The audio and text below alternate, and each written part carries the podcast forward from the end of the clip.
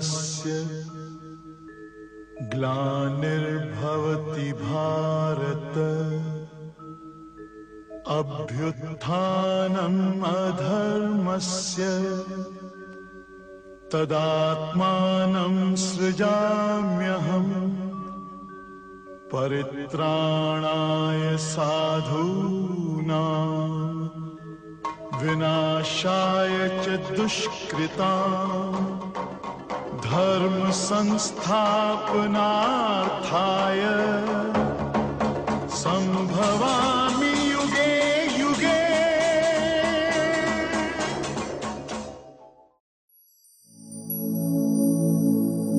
Om Swastiastu, Sobat Hindu Times channel dimanapun Anda berada.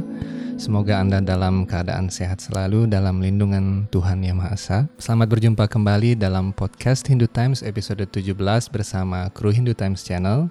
Dan seperti biasa di studio Hindu Times 108 telah hadir Sri Sriman Ida Waisnawa Pandita Damodar Panditdas atau Srila Guru Pandita yang selalu setia menemani kita dalam menjawab pertanyaan-pertanyaan seputar Hindu.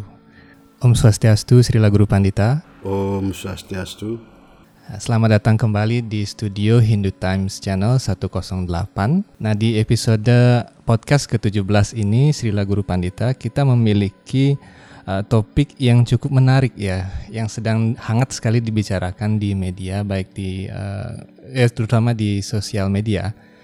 Yaitu kita akan membahas tentang uh, keberadaan Hari Krishna. Jadi saudara kita yang tergabung dalam uh, ajaran Hari Krishna kalau kita lihat di media, terutama di media sosial, banyak sekali kontroversi mengenai ajaran uh, Hari Krishna ini.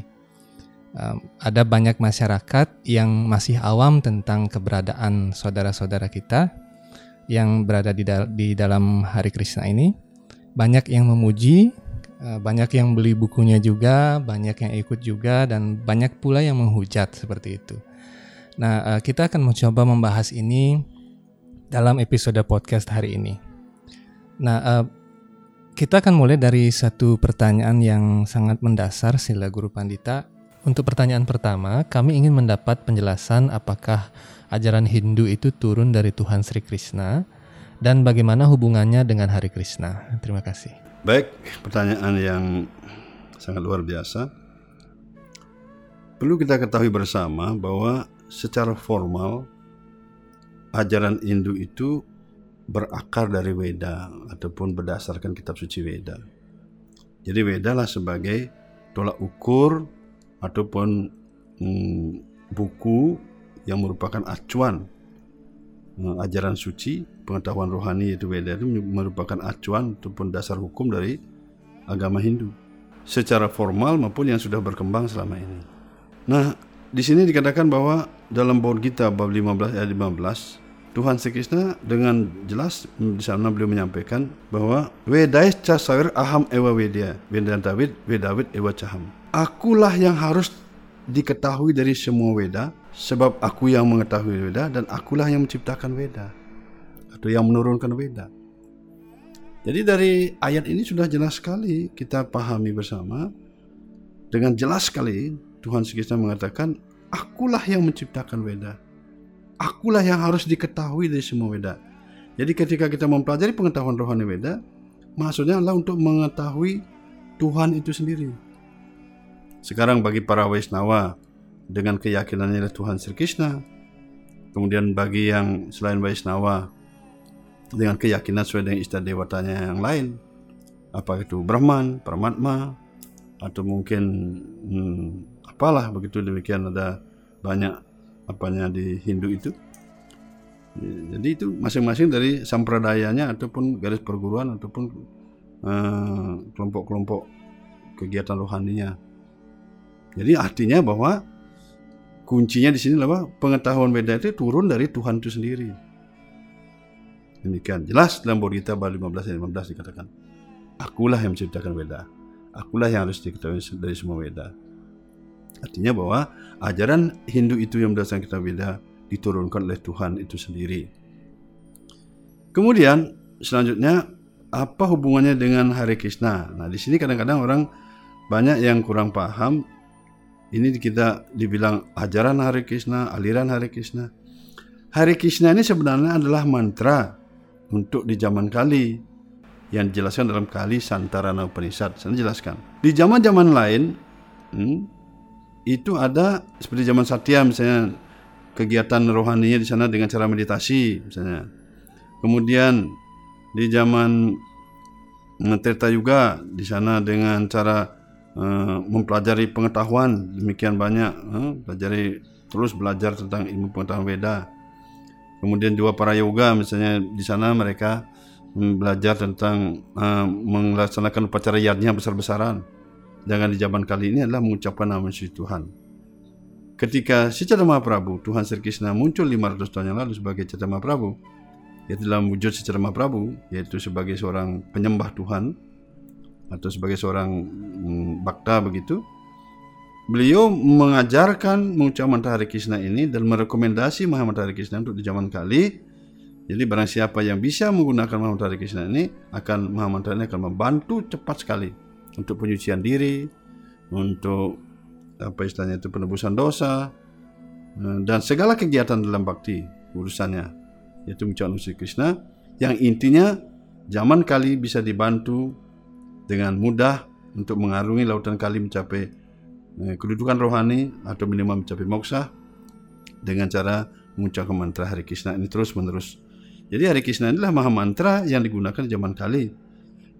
Bukan saja para Waisnawa yang mengucapkan mantra Hari Krishna untuk menyembah Tuhan Sri Krishna. Dari sekte-sekte yang lain juga di India mengucapkan mantra Hari Krishna itu sangat umum di mana-mana.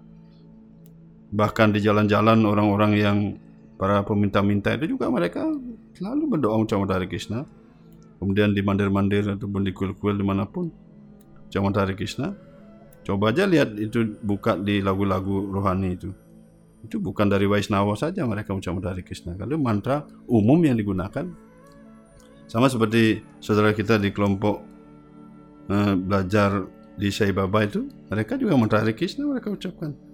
Apakah mereka hari lama dulu Hari Krishna itu kan tidak ada masalah.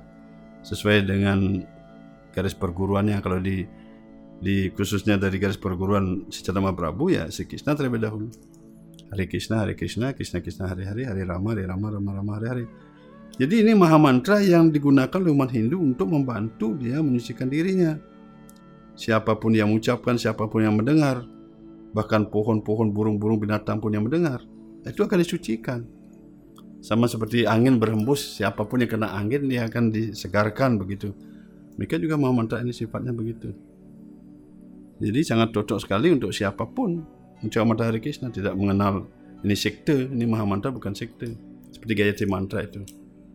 Kemudian apakah orang-orang yang menjadi penyembah Tuhan Sri Krishna adalah bagian dari Hindu atau bagaimana Guru Pandita? Kadang-kadang ini yang mungkin ada beberapa orang yang tidak paham, ini bukan masalah bagian dari Hindu. Kita di, di Hindu ini adalah tergabung dari berbagai sampradaya, garis perguruan rohani. Semua yang ada di Hindu yang berjalan secara formal saat sekarang ini, termasuk kegiatan kita keagamaan di Hindu ini, adalah asalnya dari semua garis perguruan itu. Kalau memang tidak garis perguruan itu tidak ada para pendeta yang ada di Bali sekarang. Di mana kita yakini, kita percayai beliau bisa melakukan tugas beliau untuk melakukan puja ataupun ber, memimpin upacara yadnya itu mereka itu dari garis perguruan juga garis perguruan rohani Veda tidak mungkin mereka membuat-buat sendiri. Bagaimana mereka jadi pendeta buat-buat sendiri mengada-ada begitu? Muncul cara-cara begitu tidak ada. Karena itu di sini istilahnya di sini eh, kita ini bukan bagian dari Hindu kita itu Hindu dalam satu kesatuan. Hmm. karena itu kalau orang dari kelompok anggaplah para Waisnawa yang menyembah Tuhan Sri Krishna ini dari garis perguruan Citra Mahaprabhu inilah Hindu itu sendiri. Nah, demikian juga yang lain Hindu itu sendiri. Jadi apa pun kelompok-kelompok bagian mereka sampradayanya itu Hindu satu kesatuan Hindu karena itu kalau ada orang bertanya kadang-kadang mengapa gurunya Priscilla Prabhupada kok mengatakan bukan Hindu inilah eh, eh, strategi dari Sila Prabhupada sebagai seorang yang ingin menyebarkan ajaran agama bagi orang-orang yang patut menerimanya. Beliau pelajari di sana bahwa ketika beliau akan pergi ke dunia barat, beliau sudah paham di dunia barat itu banyak orang-orang yang tidak beragama, artinya meninggalkan ajaran agamanya. Mengapa mereka meninggalkan ajaran agama? karena mereka berpikir bahwa agama ini adalah hanya satu bagian dari perselisihan, mungkin perdebatan, pertengkaran dan sebagainya. Sungguhnya mereka ingin mencari jati diri hubungan dia dengan Tuhan yang tidak mau disebut agama. Itu sehingga mereka di, di dunia barat itu banyak meninggalkan ajaran agama, tidak lagi ke tempat sembahyang, bersembahyang tidak mau disebut identitas agama apa. Kemudian mereka menjadi hipis dan sebagainya.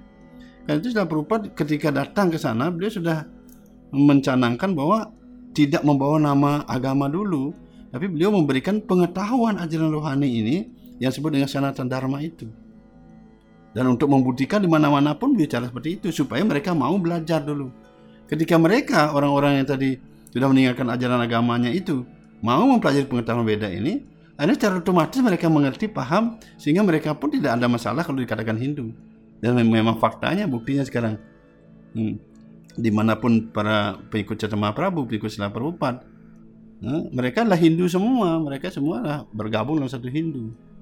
Dan guru kita Sila Prabhupada pun di zaman itu tidak melarangnya bersama-sama kita bergabung dengan Hindu dan kita juga mengatakan Hindu tidak melarangnya. Beliau tidak ada tegas mengatakan jangan masuk ke Hindu, jangan bergabung di sana, tidak ada begitu. Jadi awal itu beliau hanya menyegaskan tentang pengetahuan rohani sandaran dharma itu. Yang otomatis nanti ketika orang sudah paham itu sudah Hindu bersama. Itu permasalahannya. Nah, bagi mereka yang mengerti, menyadari, berhati yang tulus, betul-betul ingin apa namanya itu jujur hatinya pasti menerima ini. Kalau tidak ya mungkin dengan unsur yang lain lain masalahnya begitu. Lalu saya mohon pada saudara kita semua mari kita dengan arif bijaksana kita sama-sama Hindu, mari kita berjalan bersama-sama saling um, bersatu untuk menguatkan uh, keyakinan kita sehingga kita mencapai keselamatan yang rohani. Apa pun uh, sampradaya kita apa pun apa namanya cara kita yang sudah diatur sudah dengan keyakinan masing-masing sehingga kita akhirnya mencapai keselamatan bersama. Demikianlah.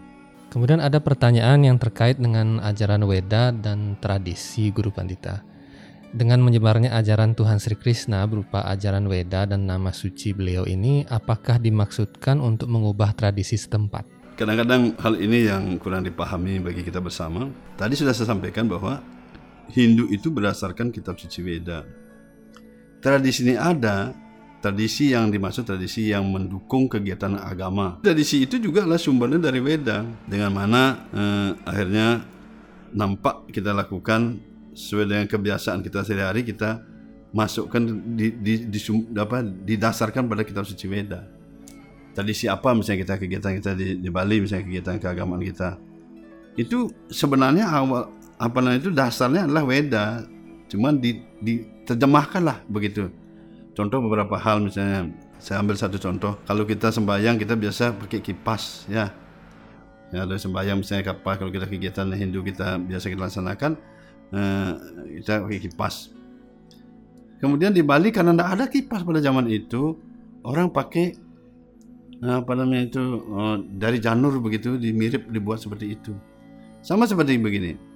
Kadang-kadang kalau kita buat yadnya di Bali itu hmm, kita biasanya kita pakai minyaknya itu mesti minyak sapi dari ghee minyak ghee yang berasal dari susu kan tapi tidak ada ya pakai minyak kelapa begitu jadi yang demikian menjadi tradisi begitu dipikir berbeda padahal awalnya itu memang asalnya begitu tapi tetap juga sambil berjalan juga masih tidak keluar dari jalur itu sepanjang tidak keluar dari jalur yang dimaksud itu tidak ada masalah karena di sini kalau dikatakan apa itu merubah tradisi setempat kalau memang dasarnya beda tidak mungkin merubah, justru akan menguatkan lagi tradisi itu.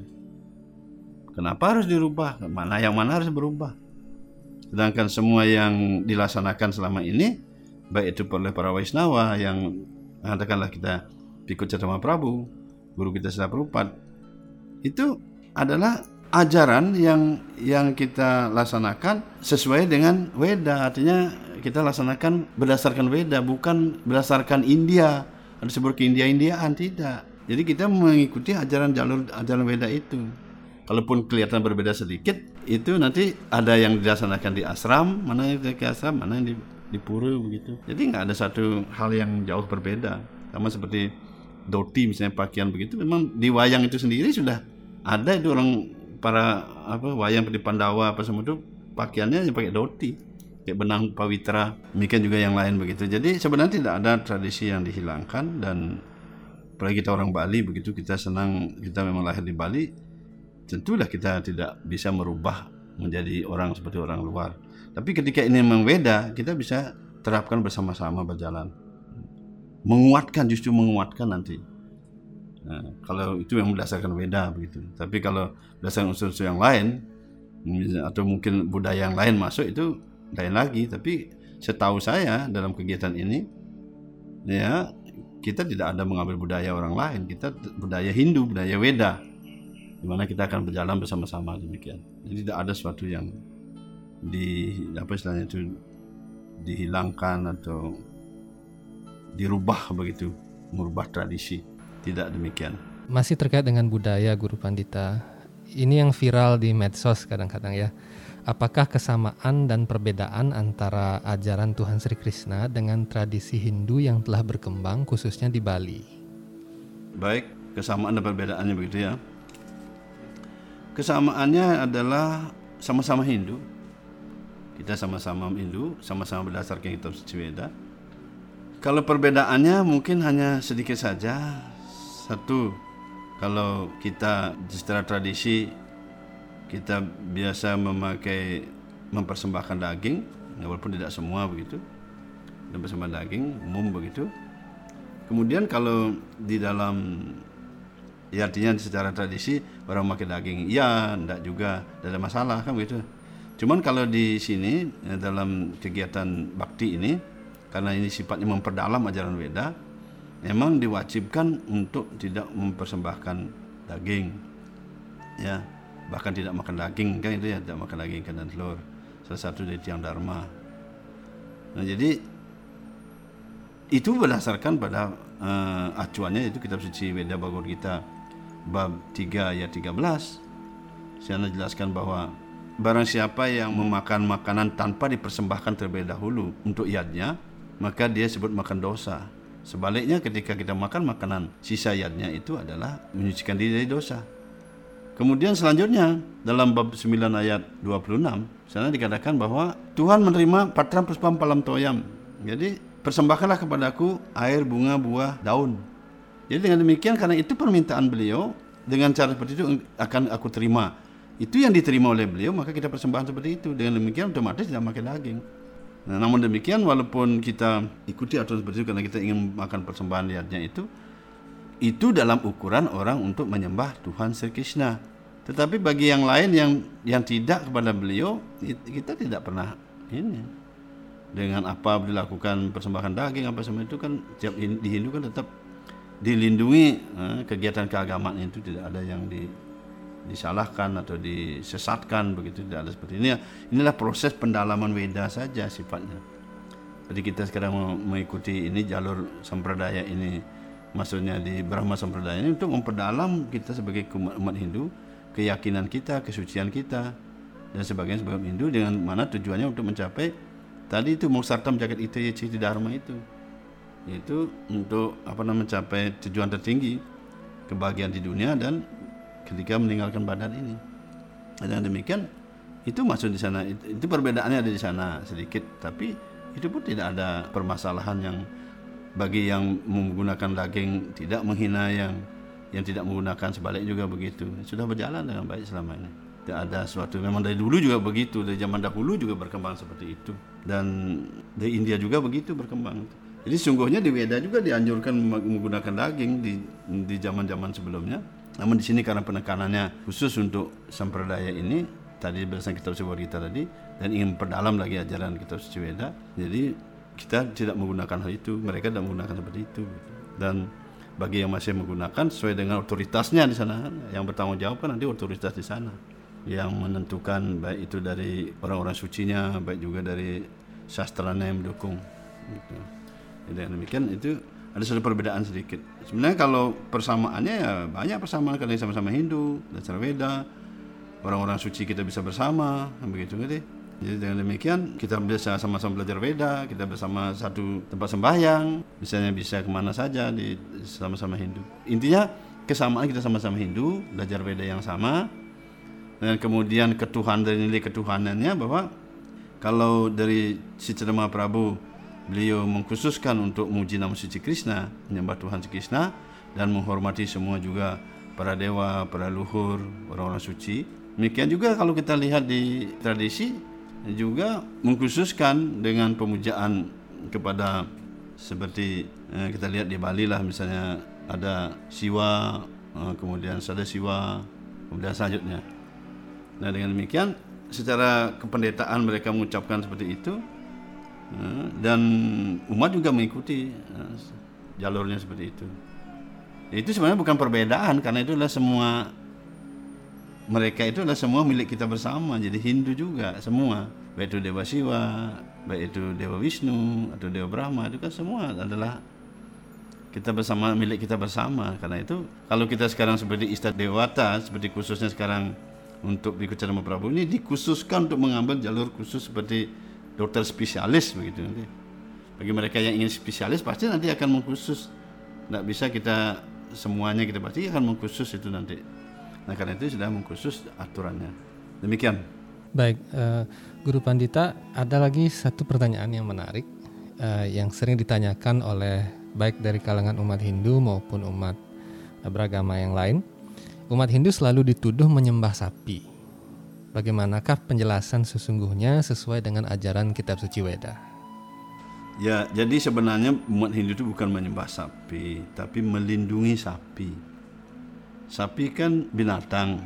Siapa lagi yang melindungi kalau bukan kita? Kenapa harus sapi aja dilindungi gitu? Sebenarnya di Weda dianjurkan semua binatang itu dilindungi, makanya kami tidak makan daging ikan dan telur, jadi tidak menyakiti makhluk hidup yang mana pun. Binatang-binatang begitu tidak sakiti. Kemudian seperti pohon-pohon bagaimana dengan sayur-sayuran apa semua kan juga iya memang iya kita juga. Karena itu mana yang dianjurkan Tuhan sekarang? Dalam konteks ini sampradaya ini. Kita tidak me, mengatakan yang lain di konteks dalam Sitama Prabu ini. Mana yang dianjurkan? Karena pertemuan belum tadi ya itu ya itu. Kalau memang tidak dikasih ya. Kalau Tuhan mengatakan kamu janganlah makan apa pun ya jangan makan. Memang begitu aturannya. Tapi tidak mungkin loh. Orang kita hidup pasti dikasih makan oleh Tuhan. Nah itu jalurnya Nah kemudian masalah sapi tadi saya khususkan lagi mengapa harus sapi begitu.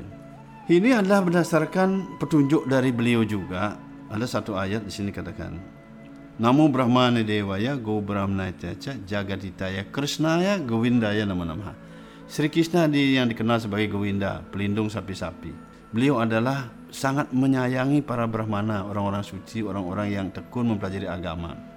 Brahmana ini artinya orang-orang yang tekun beragama itu maksudnya. Lebih-lebih mereka yang lagi secara khusus menerapkan kan begitu. Namun Brahmana Dewa Go Brahmana Hitayaca juga melindungi sapi-sapi. Jadi Tuhan sendiri melindungi sapi-sapi. Kemudian selanjutnya jaga di Krishna guna. Jadi jaga di Krishna. Jadi Tuhan kita juga melindungi seluruh alam semesta ini jaga karena tugas kita kan tidak boleh merusak alam semesta. Coba kita tidak rusak alam sekarang bagaimana? Pasti setiap orang tidak terima. Nah sapi itu juga mengapa Tuhan melindungi sapi? Sebenarnya itu adalah hak Tuhan saja. Mau melindungi yang mana beliau semua lindungi tapi sapi secara khusus kita bisa lihat di dunia rohani sapi itu di sana dikatakan di dunia rohani di kerajaan Tuhan. Khususnya di Goloka Berindawan tempat Tuhan sekitar sana. Di sana ada sapi yang tak terhingga jumlahnya disebut dengan surabi. Dan di sana memberikan susu yang tak terhingga jumlahnya. Karena itu kalau kita pahami susu itu sebenarnya susu turun dari dunia rohani susu yang dibawa sapi. Nah kemudian sapi-sapi yang ada di bumi ini itulah ekspansi dari sapi itu yang turun selanjutnya menjadi sapi Kamadenu, kemudian sapi Nandini, kan begitu yang ditunggu oleh Dewa Siwa, kemudian anaknya eh, Nandini begitu, itu berekspansi ke bumi ini, selanjutnya menjadi sapi-sapi yang ada ini. Jadi karena itu dikatakan sama seperti para wanita itulah ekspansi dari tenaga sakti Tuhan di dunia rohani. Karena wanitanya harus dilindungi, dijaga. Eh, berperang mereka tidak boleh diajak berperang wanita itu. Bekerja keras banding tulang semua mencari nafkah tidak boleh dilibatkan wanita. Wanita harus diberikan porsinya masing-masing. Mereka dilindungi itu ekspansi dari tenaga sakti Tuhan dengan rohani. Demikian juga sapi itu. Nah selanjutnya ketika bumi ini mengalami kekeringan di masa lampau pada zaman Maharaja Pritu, bumi pertiwi ini pernah menjami menjelma menjadi seekor sapi juga sehingga Maharaja Pritu pada saat itu tidak mau membunuh karena ini sapi. Nah karena itulah sekarang dari apa yang dijelaskan ini adalah sapi ini memegang peran penting sekali yang dilindungi secara khusus oleh Tuhan. Nah, ketika Tuhan melindungi, apa kita mau merusaknya? Sama dengan sekarang. Ini adalah daerah penghijauan. Pemerintah lagi melindungi daerah hijau, jalur hijau. Apa kita mau rusak itu? Ketika rusak jalur hijau itu bagaimana? Pasti kita kena sanksi dari pemerintah. Nah, dengan demikian, orang-orang Hindu menghormati sapi, menjaga sapi, melindungi sapi agar sapi tidak disiksa. Selanjutnya susu yang kita dapatkan itulah susu yang merupakan apa namanya benih yang sangat luar biasa yang sesungguhnya turun dari dunia rohani. Karena itu bagi orang yang minum susu sapi beda dengan susu kambing, susu kerbau semua itu lain. Susu sapi itu jelaskan, guru kami menjelaskan bahwa itu merupakan menilai memiliki nilai rohani yang sangat tinggi, membuat otak itu sangat bagus, kecerdasan kita bagus, kesadaran rohaninya bagus, kemudian juga kita memberikan kesehatan yang luar biasa ada penyakit-penyakit tertentu dalam tubuh itu ketika kita minum susu dengan teratur, dengan takaran yang ditentukan, itu susu itu akan memberikan efek yang sangat luar biasa. Ketika susu kita dapatkan dari sapi, ketika kita minum susu, berarti susu itu kan merupakan sama seperti kita minum susu dari ibu. Ketika kita minum susu dari ibu kita. Nah demikian kalau kita sapi memberikan susu buat kita, berarti sapi itu salah satu dari ibu. Karena dalam Weda jelaskan sapi salah satu ibu yang harus kita hormati. Betapa kejamlah kita ketika kita sudah minum susu, kemudian kita bunuh, kita tidak punya rasa, tidak peduli. Sekiranya kita mau menghormati sapi saja, atau kita anggaplah makan daging, kan masih ada banyak daging yang lain yang bisa kita konsumsi. Nah itu dari pandangan garis perguruan rohani, khususnya di umat Hindu secara umum memang demikian. Kalau ataupun ada yang uh, makan daging sapi atau anu apa namanya itu membunuh sapi di umat Hindu, tapi secara ajaran atau orang-orang suci siapa pun para pendeta semua atau para tidak ada menganjurkan mereka. Itu hanya mereka saja yang mau. Tidak ada yang secara khusus menganjurkan begitu karena mereka saja yang mau. Dan karena di Hindu memang tidak dipaksa demikian rupa jadi kalau mereka melakukan seperti itu itu hak dia. Nanti dia pun punya apa namanya itu bisa hmm, tanggung jawabnya ters tersendirilah demikian.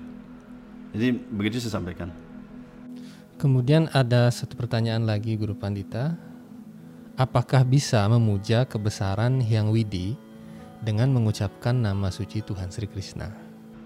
Sebenarnya kalau kita paham bahwa yang widi itu kan kita sudah terima, kita yakin bersama, kita menjadikan itu pujian kepada Tuhan, nama Tuhan.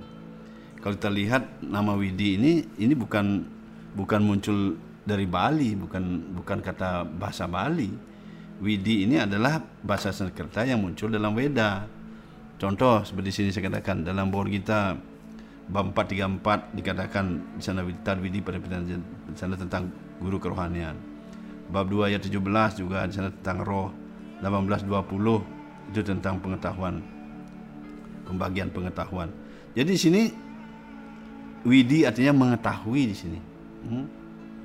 Nah karena itu kalau kita memakai Sang Widi itu artinya beliau yang mengetahui. Siapakah yang mengetahui? Dalam bawah kita dikatakan akulah yang mengetahui di masa lampau, sekarang dan yang akan datang. Demikian Tuhan kita mengatakan. Aku mengetahui semua makhluk hidup, tetapi tak satu pun orang mengetahui diriku. Nah, di sana rahasianya. Memang Tuhan itu sulit untuk kita ketahui. Ya.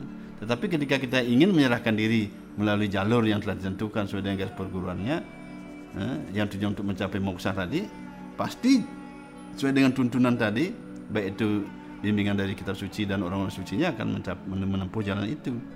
Nah kemudian dengan tadi apa kita bisa mengucapkan apa memuji kebesaran Sang Yang Widi dengan mengucap suci Maha Mentari Krishna atau mengucap memuji nama suci Tuhan Sri Krishna itu sudah otomatis dengan memuji Tuhan Sri Krishna itu sudah memuji Sang Yang Widi karena itu maksudnya adalah Tuhan itu sendiri. Demikian juga dari hmm, sampradaya yang berbeda yang lain. Dengan muja Brahman atau muja Siwa dan sebagainya ada banyak sekali. Maksudnya lah Sang Widi itu juga sama yang sama begitu. Ya, Tuhan yang sama Sang Widi.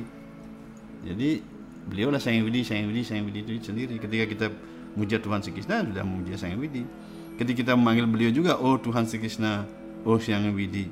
Ya bisa juga. Itu beliau sendiri tidak berbeda. Yang penting masih dalam satu kesatuan Hindu bersama. Kalau kita keluar dari jalur Hindu karena kitab sucinya berbeda konteks apa namanya itu dasar hukumnya berbeda nanti dasar hukum ini yang akan maksudnya hukumnya sendiri yang akan eh, menyalahkan kita. Begitu secara aturan formal dulu saya katakan ya terlepas dari urusan di atas yang sudah rohani tingkatnya. Tapi kalau di sini dalam ukuran kita masih dalam Hindu tidak ada masalah. Sama seperti si Jagannath di Jagannath Puri bagi penyembah Ganesh si Jagannath lihat Ganesh muja Siwa lihat Siwa muja Krishna lihat si Krishna. Begitu. Demikianlah juga saya yang di sini.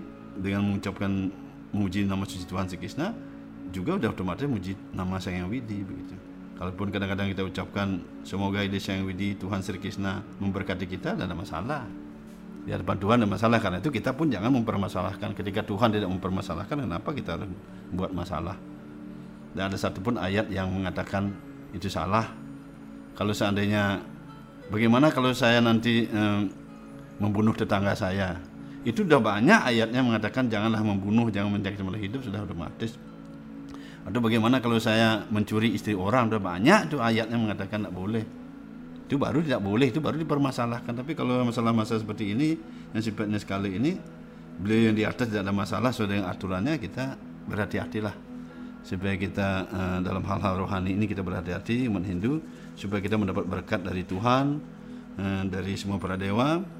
Apalagi Sri Krishna kalau bagi mereka yang belum misalnya mengerti atau memahami atau menerima beliau sebagai Tuhan. Kebenaran Tuhan anggaplah terima dari salah satu eh, susunan kita. Yang demikian banyaknya ada susunan kita. Yang selama ini harus jangan dilupakan bahwa Sri Krishna juga salah satu di sana. Bahkan para pendeta-pendeta juga mengucapkan itu nama beliau juga. Jadi kita Trisan dia mengucapkan Narayan juga lah bagian dari beliau. Ketika kita ucapkan Krishna kenapa kita tidak berani? Kita punya betare demikian banyak salah satu betarenya adalah betare Krishna kan begitu itu sudah sangat luar biasa di India ya ada juga yang begitu sehingga mereka mencoba betare Krishna pun tidak sanksi Nah, itu bagian dari betare kita. Misalnya kalau kita mm, nur di betare sekarang betare samudaya katanya kan berarti kan beliau sudah masuk di sana. Tapi kita harus tahu, harus tahu. Oh, beliau juga termasuk di sana. Si Krishna juga kita puja beliau. Kan begitu. Nah, demikian. Jadi tidak ada masalah ucapan ini. Kalau dari segi sastranya kita lihat nanti. Baik Guru Pandita, terima kasih. Mungkin ini adalah pertanyaan yang terakhir. Bagaimana selama ini Guru Pandita membina murid-murid sebagai umat Hindu yang menerapkan ajaran Tuhan Sri Krishna dan pada saat yang sama sebagai orang Bali yang juga sudah Hindu. Apakah menguntungkan untuk ke depannya baik secara skala maupun niskala? Ya, itu sudah pasti menguntungkan sekali dan sekali.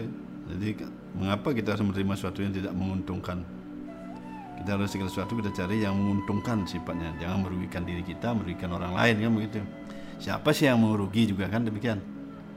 Nah, tentu sini dalam arti ukuran agama bukan rugi untung dalam ukuran materi misalnya uang begitu kekayaan begitu kan. Sifatnya materi.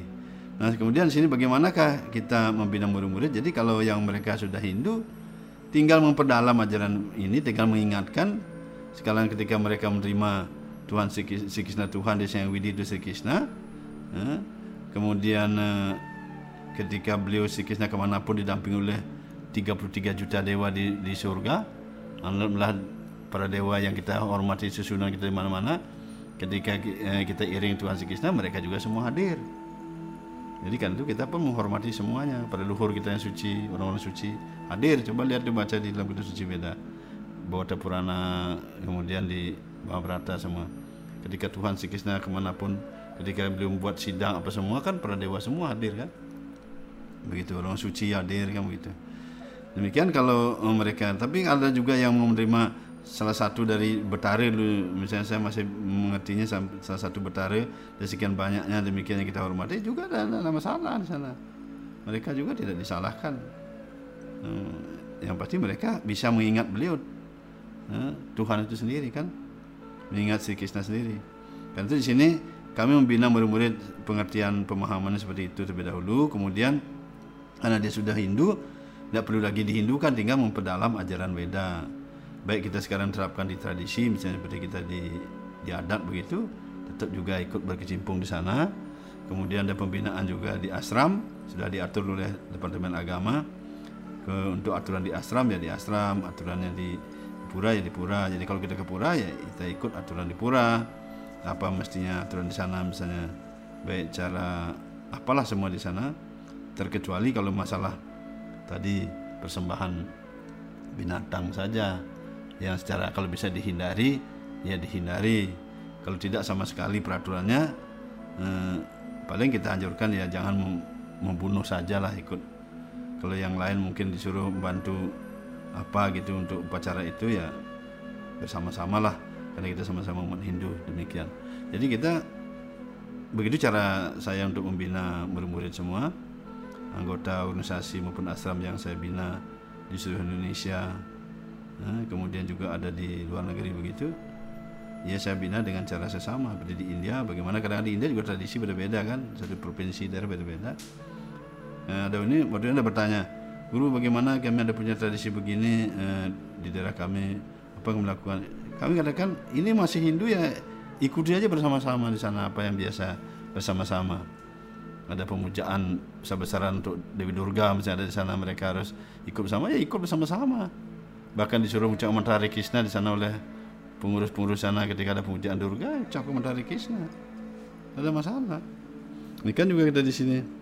Nah tentu kalau ucap mantra Hare Krishna belum begitu umum untuk kita masyarakat Hindu di Bali cukuplah di asram saja selama ini jadi kami selama ini mantra Hare Krishna cukup di asram saja tidak pernah keliling ke mana pun kecuali pada hari suci besar yang sudah direkomendasi oleh pemerintah maupun peraturan desa yaitu rata yatra yang di jalan kita laksanakan itu pun tetap rutenya itu saja. Jadi dan di luar itu kami secara organisasi maupun murid-murid sisi-sisi tidak ada yang kami perintahkan ataupun kami tidak anjurkan untuk melakukan kegiatan di luar itu. Atau kalau kami melaksanakan outbound misalnya di Bedugul ramai karena banyak kegiatan sana kami ya berkumpul di sana nyanyi dalam Krishna itu umum sifatnya itu tidak masalah itu saja kegiatan. Tapi kalau yang selain itu kami tidak melakukan kegiatan apalagi ke itu misalnya kita khusus uh, mengucap matahari Krishna dengan cara kita tidak ada begitu. Karena kami sudah anjurkan kita semua Hindu janganlah tinggalkan kita apa pun yang ada bersama-sama baik itu membuat pura merajan di rumah masing-masing sanggah bahkan asram-asram kami di mana-mana kami membuat ada padmasana, ada penunggu karang, bahkan di India pun kami bangun asram ada padmasana penunggu karang. Nah, begitu untuk menunjukkan kami dari Bali kan begitu. Di sini juga begitu. Jadi tidak ada yang istilahnya ngungu sanggah begitu. Kalau ngungu sanggah untuk diperbaiki, ya ada banyak. Kita saya suruh murid-murid yang sanggahnya sudah rusak-rusak, dan perbaikilah sanggah. Gimana kita orang belajar agama, belajar beda, belajar Hindu terus sanggahnya hancur lebur begitu kan? Karena wujudnya kita secara eksternal begitu. Karena itu kami suruh perbaiki semua sanggah-sanggah itu. Jadi karena itu mereka lakukan tetap kegiatannya seperti membantu di Merajan begitu. Kemudian ikut tradisi di desa, kegiatan seperti tadi dikatakan. Di mana pun bolehlah lihat mana anggota-anggota kita.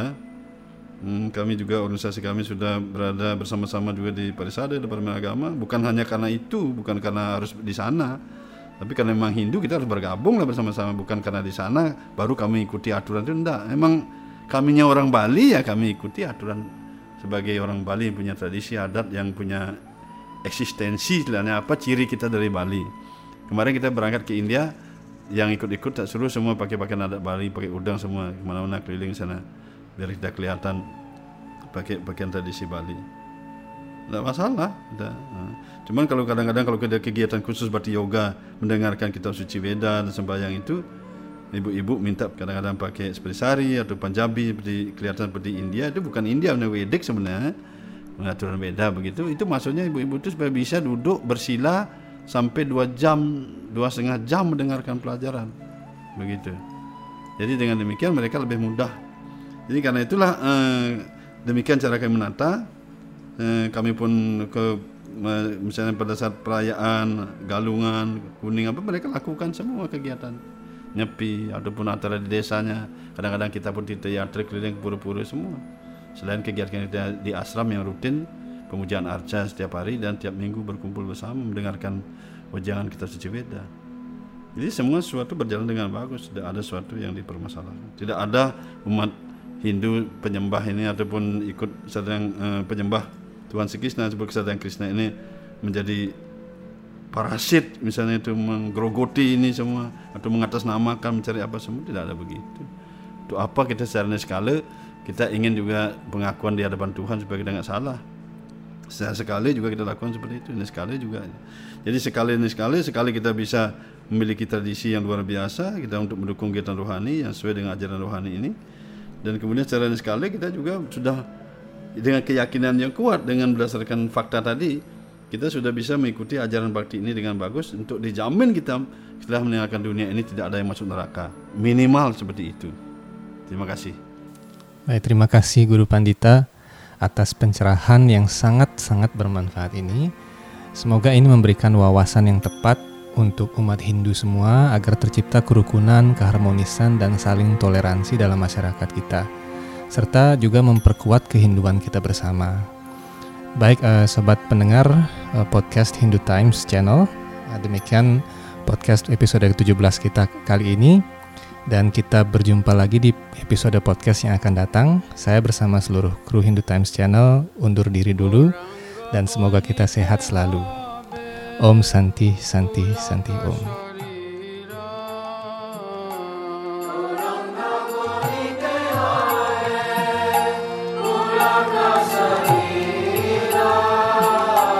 Hari Hari Bol